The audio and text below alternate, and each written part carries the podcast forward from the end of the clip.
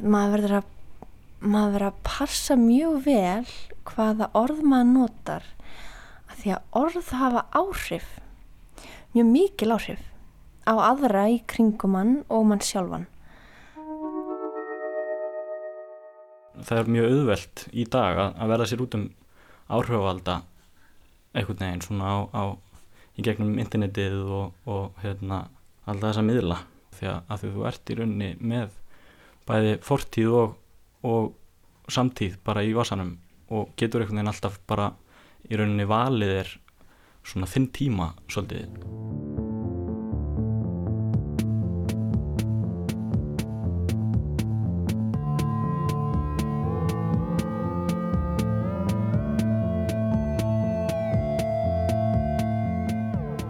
Velkomin í Orð, Eftirparti og Drauma.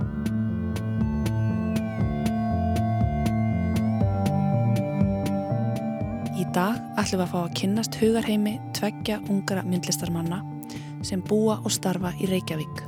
Þetta eru þau Ásta Fanney Sigurðardóttir og Fritz Hendrik Berntsen.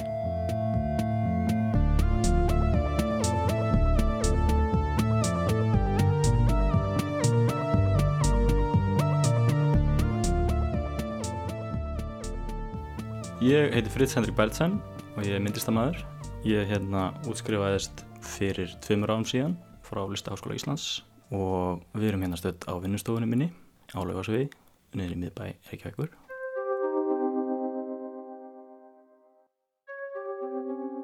Vaknar oft einhver, einhver forvitni varandi bara efni. Ég hef eiginlega alltaf svolítið mikið verið að vinna í höndunum og uh, ef við tökum bara sem dæmi brúðuverkið þá, þá fannst mér bara ótrúlega áhugavert hvernig brúðurnar eru búnar til og svona í æsku þá einhvern veginn fannst mann þetta bara að vera eitthvað svona sem að maður, maður, maður fór ekki deginu svona ímynda sér hvernig þessar, þessar brúður væri búnar til það er bara einhvern veginn voru það. Og svo sá ég eitthvað svona vídeo á netinu um við, viðtal við eitthvað svona brúðugerðamann og, og hann var svona aðeins að sína bak við tjöldin hvernig, hvernig hann gerði þetta og, og það fannst mér bara mjög spennandi að prófa það sjálfur og þá vart það svolítið upp á sig að ég allt í nú satt ég uppi með einhverja brúðu sem ég vissi í rauninni ekkert hvað ég hætti að gera við. Og þá fer, fer maður einhvern veginn á stað og fer að spinna og einhvern veginn finna einhvern svona hérna einhvern svona, einhvern hlutverk fyrir, fyrir það sem maður er með í höndunum. Og, og það er svolítið oft tannig sem ég vinn að ég er svona, það er einhver, einhver einkveikja oft í efni sem síðan svona vindur upp á sig. I'm alive. I, I'm alive. I, Þetta verk með brúðunni er sem sagt verk sem heitir Alive og þetta er svona hálgerður mónológ hjá brúðu og, og þú sérð í rauninu uh, búktalarana með brúðunni. Þeir eru klættir green screen búning nema sem, sem notaður er í, í kvikmyndagerð uh, mikið til þess að, að láta sagt, hluti hverfa inn í bakgrunn og þá er yfirleitt notaður green screen bakgrunnur. En í, í þessu vídeo eða þá uh, í rauninni sleppi ég þessari virkni og, og það er annars konar green screen bakgrunnur en, en kallarnir þeir falla ekki út úr mynd. Og uh, þetta verk sem sagt síndi ég í beinni á YouTube. Brúðan í myndbandinu er sem sagt að samfæra sjálfan sig um að hún sé á lífi og, og brestur síðan í söng sem að uh, endar ekkert voðalega vel.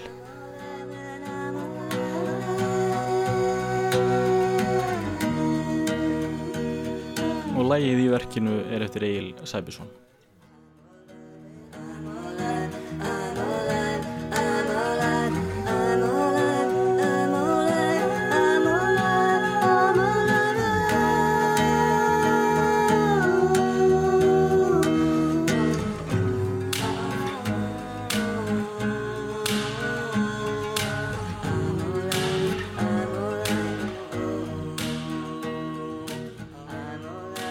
Ég fór eftir útskrift beint í hérna starfsnám hjá Agli Sæbjörnssoni út í Berlín og fylgdi eftir gerð uh, verks hans á Feneyartvíringin fyrir hand Íslands og ég var þarna í, í Berlín í átta mánuði.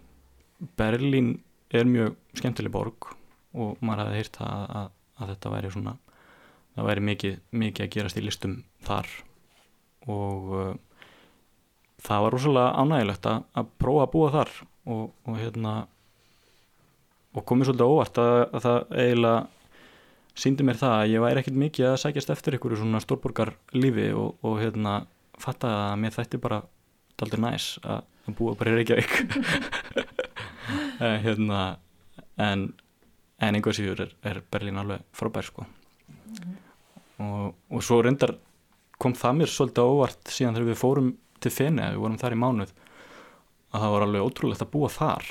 Og ég einhvern veginn hafði haldið að það er því alveg ömulegt að því að þetta er einhvern veginn svona mjög mikið túrista Disneyland eitthvað. En, en við byggum þarna á eigu sem heitir Gidekka sem er aðeins svona fyrir utan en hefur samt þessi svona sama arkitektúr og, og, og engi bílar og ekki neitt. Og, og er þessi svona miðalda borg og mér finnst það ótrúlega áhugavert að sjá ekki bíl í mánuð. Og stjórnubarbjartur heiminn alltaf á kvöldinu og svona og þetta er svona sama mjög svona romantíska ítalska væp í gangi. Einhverja svona hérna, gamlar konur að þó þvott út í klukka og eitthvað svona. Þannig að það var mjög svona surrealist að upplifa það sko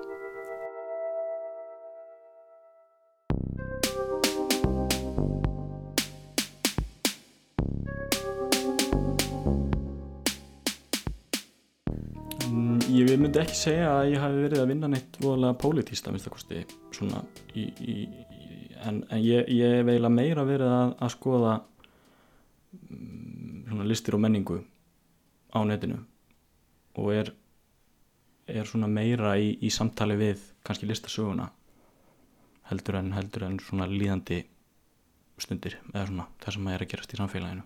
En auðvitað verður maður fyrir áhrifum á því líka En, og, og kannski ekkur leiti líka þessi svona sviðsetning sem við erum líka alltaf að verða, verða meira og meira vör við í samfélaginu. Svona hvað politík varðar þá kannski er það ákveðin, ákveðin þráður sem ég hef verið að vinna, vinna með. Eins og þetta með sérna skuldur sem ég hef verið með á síningu að þetta er hérna svona knekti. Þetta eru kallið knekti þetta eru, er, er sem sagt svona uh, notað í leikúsi og sviðsmyndum til þess að halda uppi veggjum.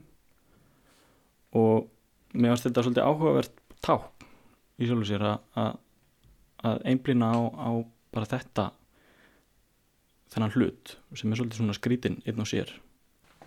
Já og hér sjáum við þessi sömu fyrirbæri byrtast á málverki. Já, akkurat, þetta er hérna málverkið Dog in Space. Og ég syngdi þetta í Hafnaborg síðasta haust. Og þetta er málverk sem ég vann í tölfunni upphálega, þetta er, þetta er þrýviðateikning sem að ég í rauninni get, þú getur sóttir uh, á netinu hluti sem að einhver annar hefur teiknað og getur, getur í rauninni leitað bara stóll 3D file, free download. Og, og hérna og þá getur sótt það frýtt inn í, í hérna, þrýviðarprogram og í rauninni búið til e e e einhverja mynd í tölvunni. Og það, það var það sem ég gerði hér og, og var svona að prófa mig áfram með þetta. Og, og það náttúrulega gildir ekkit þingdarafl í tölvunni. Og allt í hennu var ég komið með eitthvað svona svífandi stiga sem ég fannst bara ótrúlega áhugaverð mynd. Og, og það svona svolítið vatt upp á sig og þessi hundur kom til sögunar og þetta er uh, allt í hennu svona bara óvart var til ykkur svona mjög mikil narratífa fannst mér í, í þessari mynd. Þannig að ég ákvaða að færa hana yfir í, í málverk og, og skrifa lítið handrit sem að fylgir, fylgir með málverkinu. Ég eiginlega man ekkert hvernar ég ákvaða að vera myndistamæður vegna þess að það hefur eiginlega alltaf svolítið staðið til. Ég fekk svona gott, gott rós og svona fyrir að, að vera skapandi þegar ég var yngri og, og, og var eitthvað svona flinkur að teikna og svona. Og þetta var svona eiginlega svolítið ákveðið fyrir mig af því að maður, maður er einhvern veginn bara við að, að, hérna, að fá eitthvað svona gott feedback að þá, þá náttúrulega færðu sjálfströst í, í, í því og, og um mitt, ég, ég hef alltaf verið svolítið svona leitandi í, í bara listinni og verið svolítið mikið duglegur við að skoða mikið í gegnum neti að ég er nú eiginlega svona úlst upp við að vera alltaf eitthvað svona að skoða á netinu. Og, og mikið verið að horfa á bíómyndir. Ég myndi segja að það hafi haft mikil áhrif á mína listsköpun. Leikstjórar eins og David Lynch og David Cronenberg og svona hérna meira svona arthouse uh, bíó. Og uh, svo alltaf verið mikið að skoða eins og þegar ég var yngri að þá var ég svolítið meira í myndasögum. Og ég held að svona eins og í verkum mínum í dag þá er ég svolítið mikið verið að vinna með texta og myndir saman þannig að ég held að það sé svolítið svona þaðan sem að, sem að það kemur. Það er mjög auðvelt í dag að, að verða sér út um áhrifvalda einhvern veginn svona á, á í gegnum internetið og, og hérna alltaf þessa miðla. Það er líka bara hérna mjög gaman að og, og, og líka kannski erfitt hvað sko listasögu var þar held ég að því að, að því þú ert í rauninni með bæði fortíð og samtíð bara í vasanum og getur einhvern veginn alltaf bara í rauninni valið er svona þinn tíma svolítið. Ef að, ef að, en það er svona, það, já, það, það held ég að sé svolítið áhugavert sko. Mér finnst þetta mjög mjög góð sena sem, að, sem er hérna í Reykjavík. Hún er alltaf lítil en, en það er einhvern veginn gerir bara held í það verkum að fólk svolítið svona einbyrði sér að, að gera sitt. Og já, ef maður ætti að tala um eitthvað svona þráð þá þá er það er svona svolítið kynnslóðatengt held ég. Og ég, ég veit samt eða ekki alveg hver mín kynnslóð er einhvern veginn, það er svona mm, það er alltaf kannski svona mikið svona með þessi svona meðvitund um um sviðsetningu kannski í, í samfélaginu og, og svona líka hverstarsleiki mér svona hverstarsleiki hafa verið svolítið kannski nokkur ár núna verið eitthvað sem að fólk er að velta fyrir sér. Það er svona, það er svolítið, fjölskyldu væp, það er svona það þekkjast allir og, og maður svona svolítið var svolítið einlimaður í þessa fjölskyldu veginn við að vera í, í myndlist í listaháskólanum. Þá svona kynntist maður svona eldri myndlistamönnum og, og svona sem ég held að sé mjög gott. Í staðin fyrir að maður hefði kannski farið í nám beint út þá, þá hefði maður ekki þessa tengingu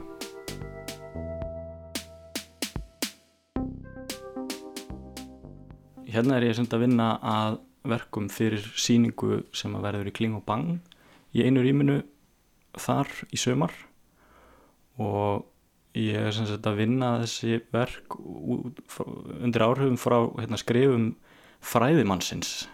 Ég hef svona verið að að tjá alls konar svona hugmyndir í gegnum hann sem einhvers konar fræðimaður. Og, og hann er hérna að velta fyrir sér mikilvægi stöður á svefnrútinu og mikilvægi þess að svo alltaf alltaf hérna e, í 8 klukkutíma á, á, á nætina og hérna og hann er með mjög miklar, miklar pælingar á bakvið það sem að ég sem sagt er er, a, er að tólka hérna í þessum verkum.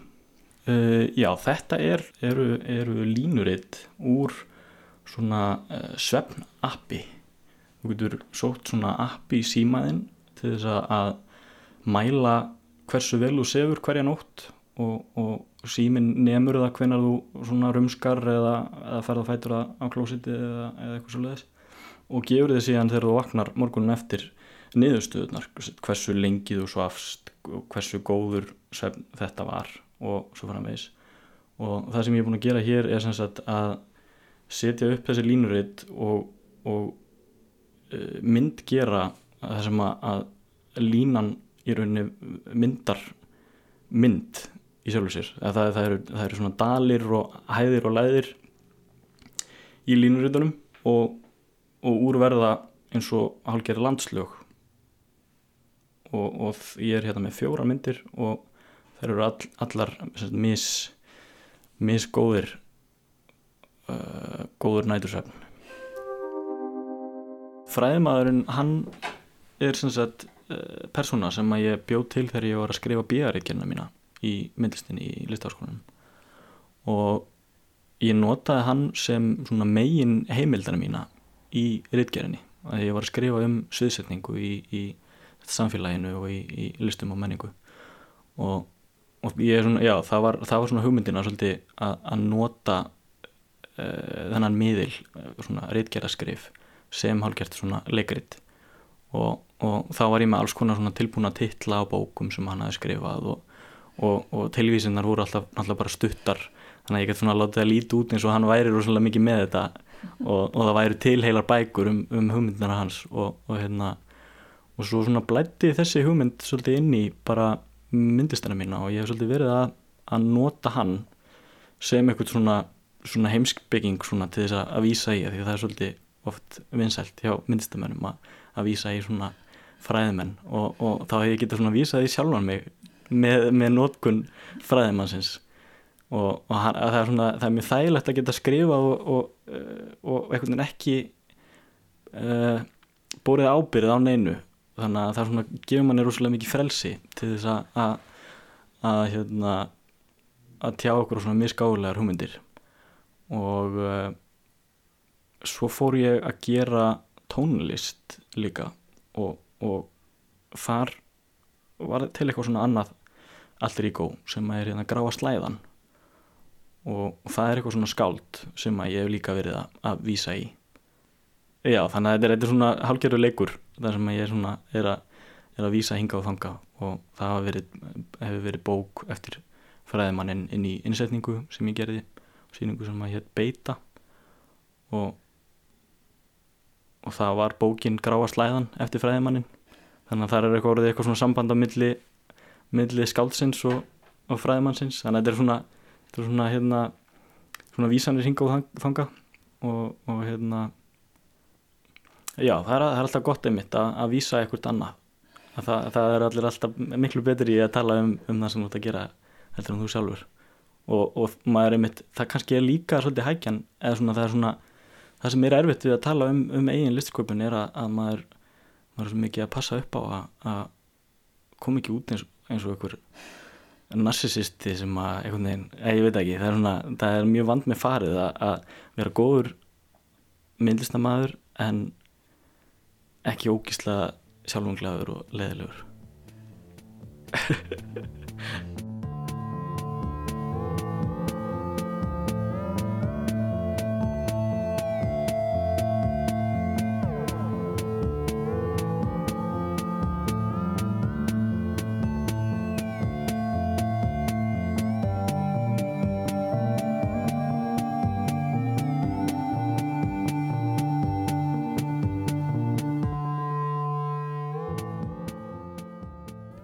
Grassroot er náttúrulega einhvers konar nýja brum eða einhvers konar eh, vöxtur sem að er einhvern veginn næstur jörðinni.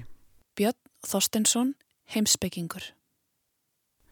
Kanski er menningin svolítið eins og garður og það þarf alltaf að vera endun í að garðin og grassrootin er kannski það sem að endun í hann í einhverju svona mjög svona einfaldri merkingu og náttúrulega við getum kannski, ef við viljum halda okkur við þessa garðlíkingu þá getum náttúrulega fljótt ímislegt farið að tréna og kannski svona jafnvel að ef við horfum til langstíma þá getur eitthvað farið að steingerast og svo framvegist þannig að í garðinum sem menningin er þannig að það þarf kannski alltaf að taka hans til og endunja og græsrótar svona hugtækið í tengslum við menninguna er náttúrulega einhvers svona vísun í það að að það þarf endalist að vera að endur nýja og byrja upp á nýtt og meðal annars vegna þess að þjóðfélagið er síbreytilegt og svona við sem eldri og ráðsettari erum og höfum verið lengur í gardinum að við sem sagt erum kannski hægt að koma auga á eða skilja það sem er nýjast í samfélaginu og, og menningunni og svona almennt bara í pólitíkinni og eila hvar eila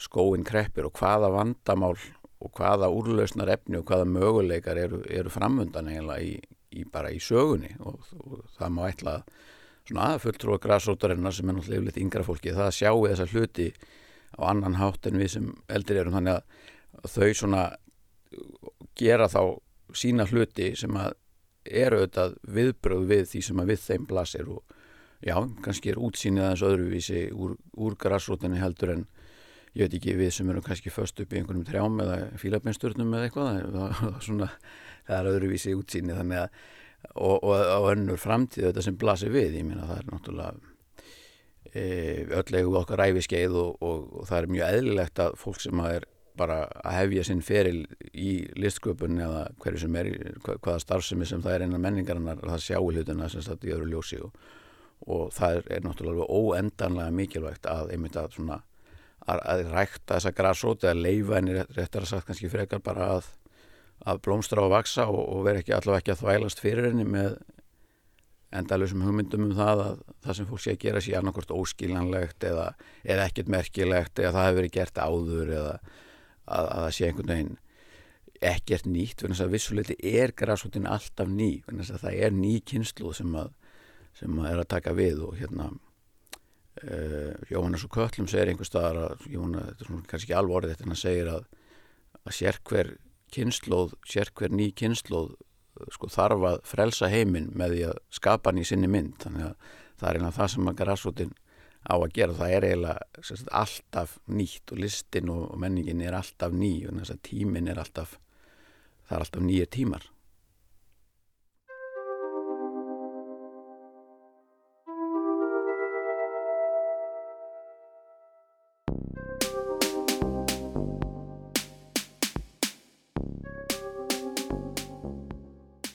Ég heiti Ásta Fanney Sigurðardóttir og er myndlistakonna, skáld, tónlistar, maður, kona, eitthvað, já.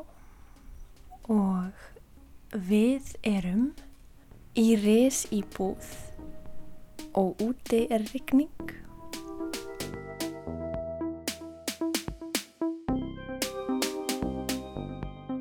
Mér finnst þetta alltaf erfiðasta spurningin að því ég veit aldrei svarið. Ég hugsa kannski að já, pappi, hugsanlega, ekki að því að hann var listamæður, heldur að því að hann var svo góður í að vera til. Já, ég hugsa að það fólk sem hefur mest áhrif á mig er fólk sem er ótrúlega gott í að vera til. Að því að það er mjög erfitt það er mjög erfitt að vera til. Og það eru nokkru sem eru kringum mig sem að mér finnst svo inspirerandi að því að þau eru svo áreinslulegs í tilveru sinni. Ekki það að sé bara gott að hafa það auðvelt. Það er mjög mikilvægt að hafa það erfitt svo að maður þróskist en það fer svo mikið eftir hvernig maður tekur hlutunum. Ég lærði myndlist í Listaháskóla Íslands. Eftir það þá um, tíma þá var ég að sjá um Orega Gallery á samt nokkrum félögum uh, galleri sem heitir Kunstlæður og sem sagt og var uh, að bara gera list og sína list. En fekk uh, eftir uh, nokkur tíma svolítið svona nóg af þessu öllu og hætti að gera það sem ég var að gera og flutti til Fraklands og ákvaði að gera bara gjörninga og ekki framleiða neyn verk og ekki gefa út neina bækur og ákvað bara að búa til eitthvað sem hverfur samstundis. Já, hérna það sem er svo hérna heillandi við orð er hérna orð eru allt. Allt sem að við skiljum og allt sem að við sko hérna heimurinn í kringum okkur hann er svona því við skiljum hann í gegnum tungumálið. Og reyndar er ég hérna búin að vera að gera svona verk og rannsaka þar sem að það er ekki hægt að skilja í gegnum orð sko en orð þau byggja bara svo mikið upp bara hérna þína raun sín á heiminum þinn heimur er til eftir því hvernig þú raðar upp orðunum í kringum þig. Og þetta á við bara um bara dagstaglega bara hverstags uh, hverstagslegt umhverfi en einnig svona innra umhverfi. Það er að segja um, já maður verður að maður verður að passa mjög vel hvaða orð maður notar því að orð hafa áhrif mjög mikil áhrif á aðra í kringum mann og mann sjálfan. Og já, það er aðlega svona þetta í hnótskurð Olga undir borði moldar rætur skræla rætur hygg og hygg sem plæja má með sól. Bráðum fjarski höfn og fjólublátt mastur fjólublátt haf fjólublátt allt og vöku draumar setjast að dropar við gler augu óstöðu vötn í taumum. Leiða að örðu regni.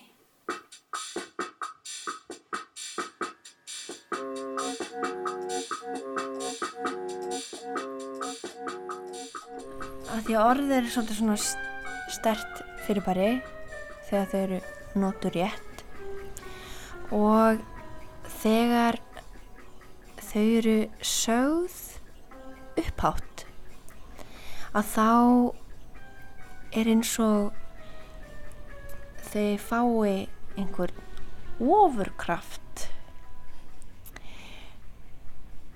og verða svona stærri. Mér finnst það. Þetta er svona, svona þess vegna fór ég eiginlega að gera meira gjörninga heldur en að gefa út bækur að því að mér, lang, mér langaði að hafa áhrif og hafa áhrif þannig að að sko það er ekki allt eilíft eins og flestir vita og svo kannski mitt er eitthvað eilíft, ég menna maður veit aldrei. En það er svo mikil áhersla núna á sko, eða allavega þegar ég byrjaði á þessu fyrir kannski svona fimm árum eða eitthvað maður ekki að þá, að, þú veist, það er allt í bókum og þú getur verið með allt í vasun og þú getur googlað allt og þú getur náði allt og allt svona, en þú veist þegar allt kemur til alls að þá að þá, þá rennur allt úr greipum þér og það er svo mikilvæg tilfinning að geta notið þess að meðan það er. Svona, þetta er svona ákveðin núvitund en, en svona kannski sem ég var svolítið vanta í ljóð, ljóðin sko. Að geta að, geta, að, að þau sé ekki sjálfsögð að þau sé á blasinu þau bara hverfi og er ekki lengur til. Og þau verða bara að fara í gegnum líkamæðin í gegnum skinnið og kjötið og beinin og hafa áhrif og mynda gárur þaðan um, þannig að maður sko taki það inn í sig og það verði hlut af manni. Og þá getur maður sko nota það til þess að, til þess að varpa einhverjum öðrum gárum. Til þess að breyta einhverju eða hafa áhrif á eitthvað. En þetta er svona já Já, þetta, þetta var svona þörf hjá mér líka því að mér fannst mjög erfitt að vera sínileg. Ég fannst óþægilegt að vera með einhverju með bók eftir mig í vasanum, að ég er á mynda og einhverju svona fréttadóti, þú veist það er svona, þetta er eitthvað svona, hérna, þetta er svo mikið svona, svona konkrét, þú veist þetta er svona, svona er þetta, svona mun þetta vera og getur ekki breyst svona, og, og ég er með svona algjörst ofnami fyrir því. En um bara um daginn að þá held ég að þetta skeið sé svolítið svona já þetta, þetta sé að þetta tímabil sé búið. Að því að ég finn að hérna ég er með mjög svona jákvæða nálgun á bókin aftur af því að er mjög, þetta er mjög fallegt fyrir bari, bókin og mjög svona hérna þannig að ég, já, þannig að þú ert eiginlega að hitta mig á, á krosskotunum já, við erum á vendipunkti núna.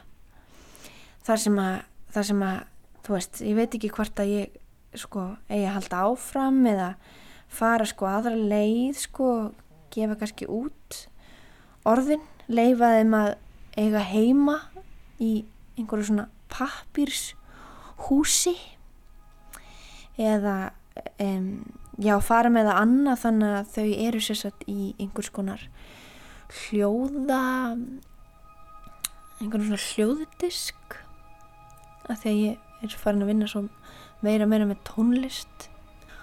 Um, þannig að já, við erum bara núna á gaffalstrætinu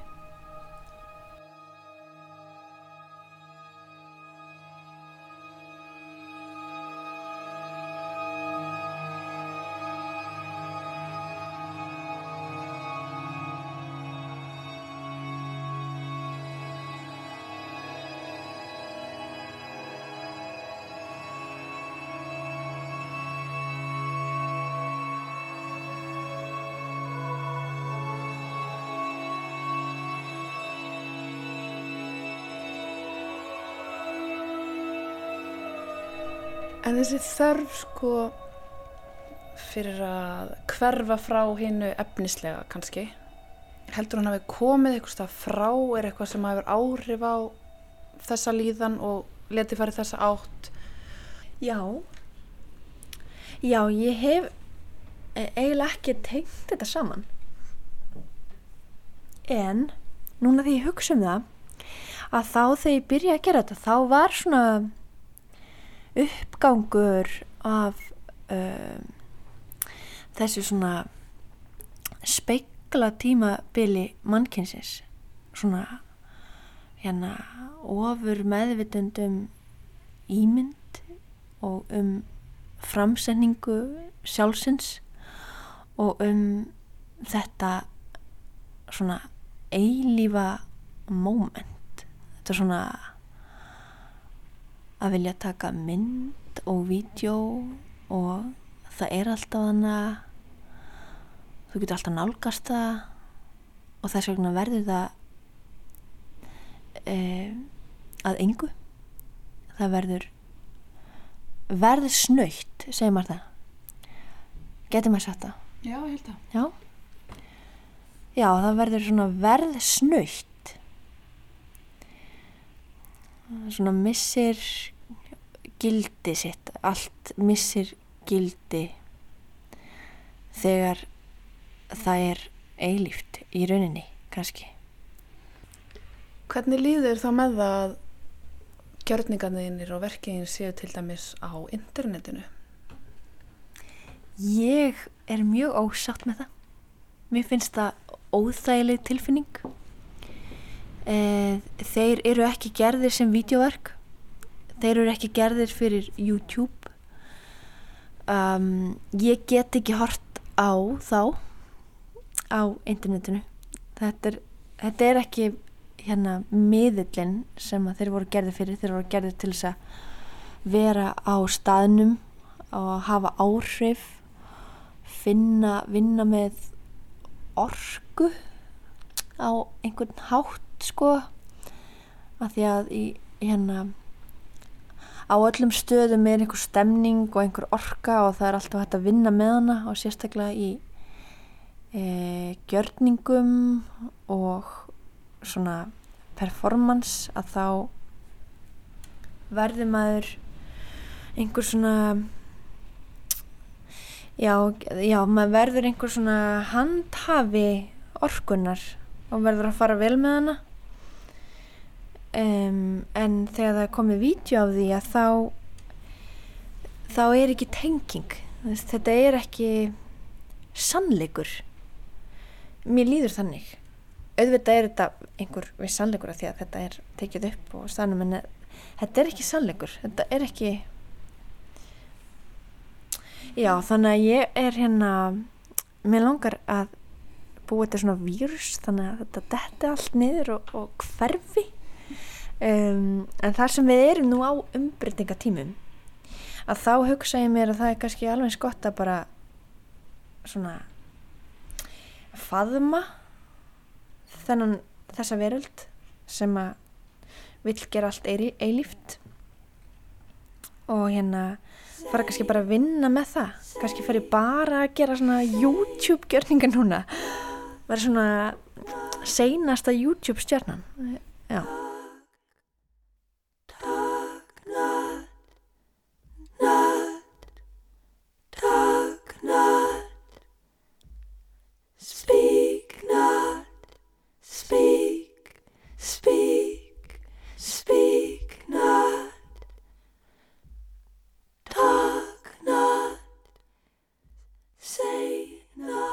að taka þátt í listaháttíð í Reykjavík. Og eh, ég verð með gjörning annan júni í Kling og Bang. Og þetta er hluti af sériu sem heitir Peppermint. Eh, og það eru tveir aðri listamenn líka að sína og við fáum svona svona sitt hvort eh, hérna rýmið og ég uh, ætla að vera með gjörning þar sem að ég vinn einmitt með öll þessi element. Þetta er svona tilraun. Mér langar að reyna að hérna blanda þessu öllu saman. Mér langar að reyna að blanda mér saman. Að því mér dreymdi að ég var að hlaupa inn, inn um svona göng og ég var að opna fullt, fullt, fullt af búrum. Og inn í þessum búrum voru alls konar dýr og svona einhver kolkrabbi og svo var einhver svona mís eða eitthvað og svo var einhver svona einhver kengura og eitthvað. Og ég var að opna þessi búri, ég var að hleypa með öllum út og ég var að ógna ræði, ég var alveg, alveg, alveg hérna á fullu sko.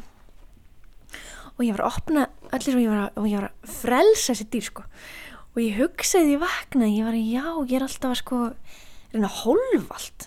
Þú veist, að því ég hugsaði heimurinn skilur það bara. Heimurinn skilur bara að hólfar eitthvað og ef það er aðgengilegt og fólk skilur það og fólk getur kefta að þá, að þá, þá er það gott. Að, að þá gengur allt vel. En það er ekkit endilega leiðin. Og það er bara alls ekki leiðin. Að því að, að, því að ég svona kannski svona, svona, svona út um allt má segja sko. Og þegar ég er að reyna að holfa allt niður þá verður það bara mjög erfitt og það verður mjög erfitt að vera til þegar maður er alltaf að reyna að sko setja grindverkin alveg bara út um allt.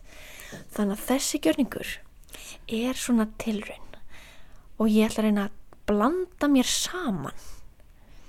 Svona gera mig að súpu með öllum þessum ráfnum og, og nota tónlist nota ljóðin nota myndlistina og, og eins og þú veist ég vinna líka með svona hérna svona, svona visual aspekt, þú veist þetta hérna sínilega og, og kannski svona installation og, og hérna og þannig og sem sagt um, já og, gjörningin sko, að, að flytja flytja verkið sko, og hugsalega í tengslum við sko um, nýtt form sem ég hef ekki ennþá kynnt mér nóg vel það fer svona að blandast inn í þetta. Það er sko kvikmyndaformið sem að ég ætla svona að reyna að tróða þann inn í sem ég er mjög skemmtilegt. Þannig að þetta verður svona þetta verður einhver svona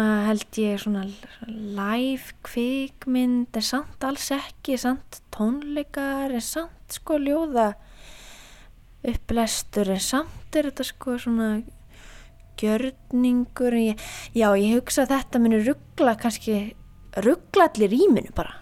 Já bara búa til eitt allserjar kaos til þess að hérna til þess að henda þessum grindverkum bara einhver, út í sjó